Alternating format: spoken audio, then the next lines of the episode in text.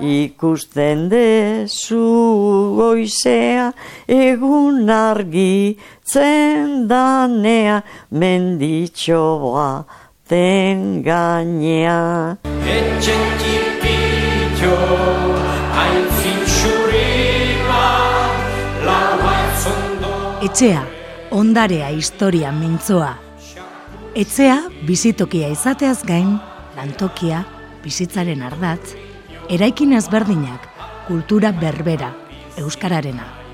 Etxea liburuan oinarrituta, samar ikerlariarekin solazean. Maite dut nik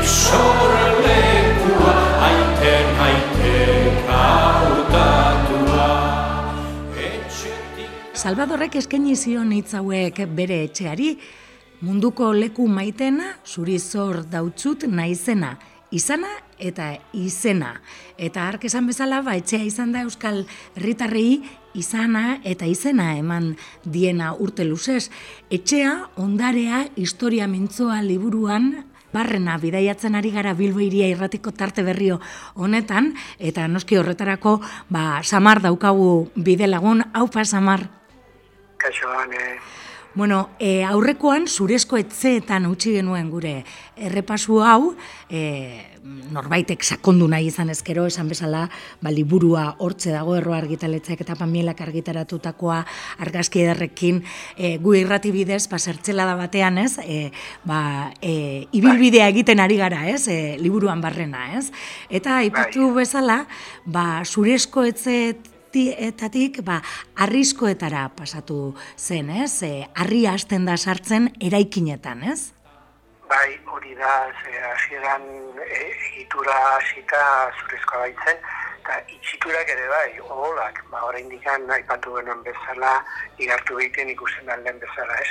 Nianeki emeki hasi zen e, arria sartzen, eta oso adierazgarria da, aipatu duzu izena eta izana, ez? Mm izenetan sumatzen da, ditu, hemen berean ari nahi behiratzen orain, liburan agertzen den, orma etxea e, baserria markinan, mm -hmm. izu berrizko baserri ederra, mm mendekoa, eta izenak erakusten digu e, zertan beriztu zen etxe hori momentu hortan. Orma etxea, eta gaur egungo begiradatik e, pensatzen hau denon, baina, zer, e, txek espaitzuten ormarik edo, mhm. ez, ez arrizkoa, ze ormak suposatzen du harriaren edabilpena. Mm Eta momentu hortan, proleki inguruan, eta ikusten da, ba, aski e, aberatza den e, eraik, eraik, eraik, eraikintza bat dela, kasu honetan, ormatxearena, eta beriztu zen hortan, eta jendeak ditu zuen, aratz, orma etxea, berria baitzen konzeptu hori ez. Mm Bai, egia esan e, markinako orma etxea, e, etxea, ederra, eta esan bezala, ba, e, bi orma handi arriskoak ditu, ez? E, ikusten dugu e, argazkian.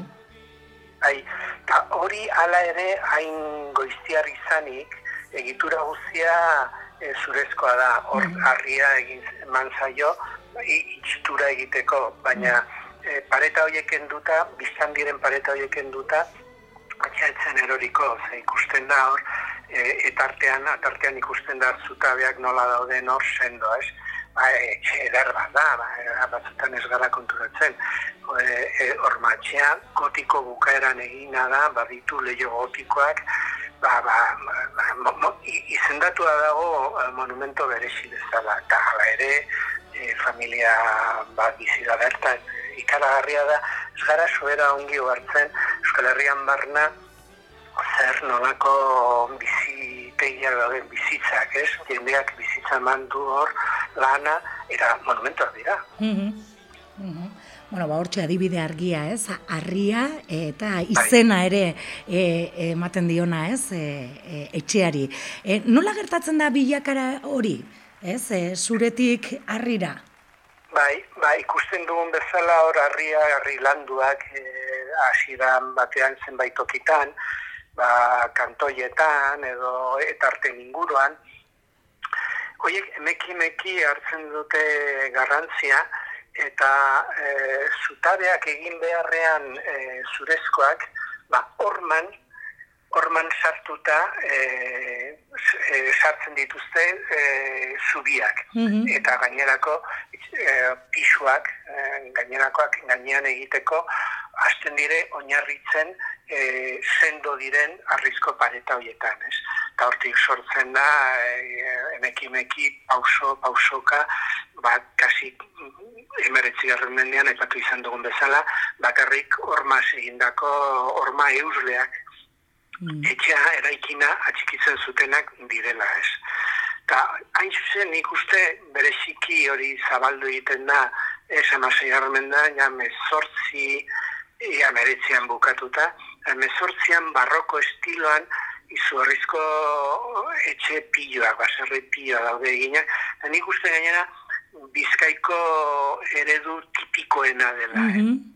Mhm. Bakizu, arrizko aurrekalde bat osoa, Bai. erdialde, erdialdean e, e, etarte edo atarte Mhm. deitzen den zulo horrekin, tamales gaur egun bakarrik erabiltzen da kotxea parkatzeko kasu gehienetan, baina hoiek ziren espazio irekiak, baina babestuak. Mhm. Ibri asko egiten duen tokietan, hor bururatzen albait ziren nekazaritzaren lan batzuk hartu zuriketak zirela edo belarran buelta eman edo lehortu edo e, mila historio eta hortarako eginak ziren. Mhm.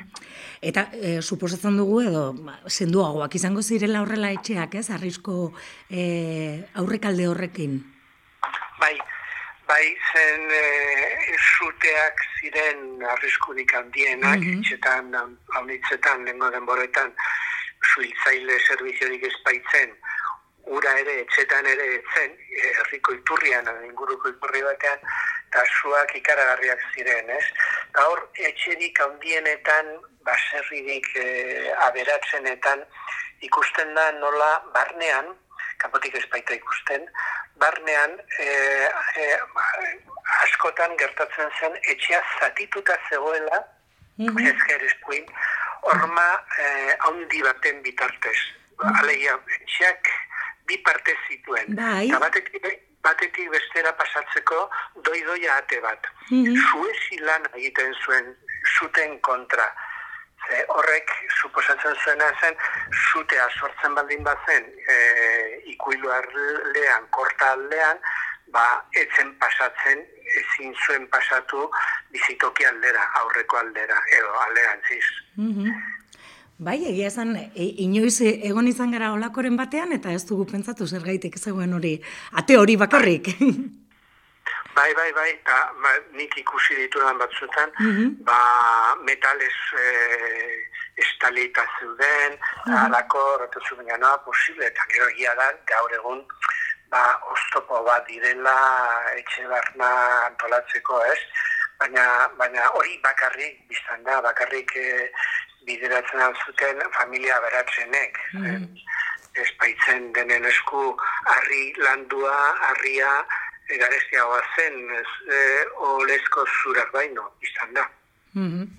Bueno, ba, hortxe, ez, e, noiz hasi ziren, ez, harria, e, ba, etxeetan erabiltzen, eta, bueno, ba, horrek ere izenari eman zion, e, esaterako, ba, markinan aipatu dugun adibide gisa hori, bueno, askoz ere gehiago badira, ez, eta argazkietan, bai, Bai, ez diozuna, ba, netako kasi e, be, ikusten badin baduzu bizkaiko eredu bat hori da, eh? Mhm. Basarri barrokoa, arrizkoa, atarte duena, edo etarte ditzen da bietan, atarte omen da, ate artean. E, hain zuzen, sarrera babestu hortan, arkupe hortan, etxeko atari desberdinak zeuden. Bai. Etxebizitza, edo kortarena, edo...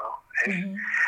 Eta gero er- eredu hori zabaldu zen inguruetan ere, eh? Gipuzkoa eta Arabaldean muga kide diren e, ibarretan aurkitzen aldira. Eta batzutan arkupe bat baino gehiagorekin. Mm baita ere ez, e, birekin ere e, ikusi izan dira. Bueno, ba, gaurko saioa hementze e, itxiko dugu, esan bezala, etxea, ondarea historia mintzoa liburuan barrena bidaiatzen ari gara, bilboiria irratiko tarte honetan, entzulearea gogotzu e, geratzen bada, ba, hortxe dauka e, liburua ere e, ikusgai eta irakurgai. Ba, Samar, datorren asterarte. Bai, esker mila. Agur. Ikusten dezu goizea egun argi zendanea menditxoa ten gainea. Etxen tipitxo, hain etzondo. Etxea, ondarea historia mintzoa. Etxea, bizitokia izateaz gain, lantokia, bizitzaren ardatz, eraikin ezberdinak, kultura berbera, euskararena. Etxea liburuan oinarrituta, Samar ikerlariarekin solazean.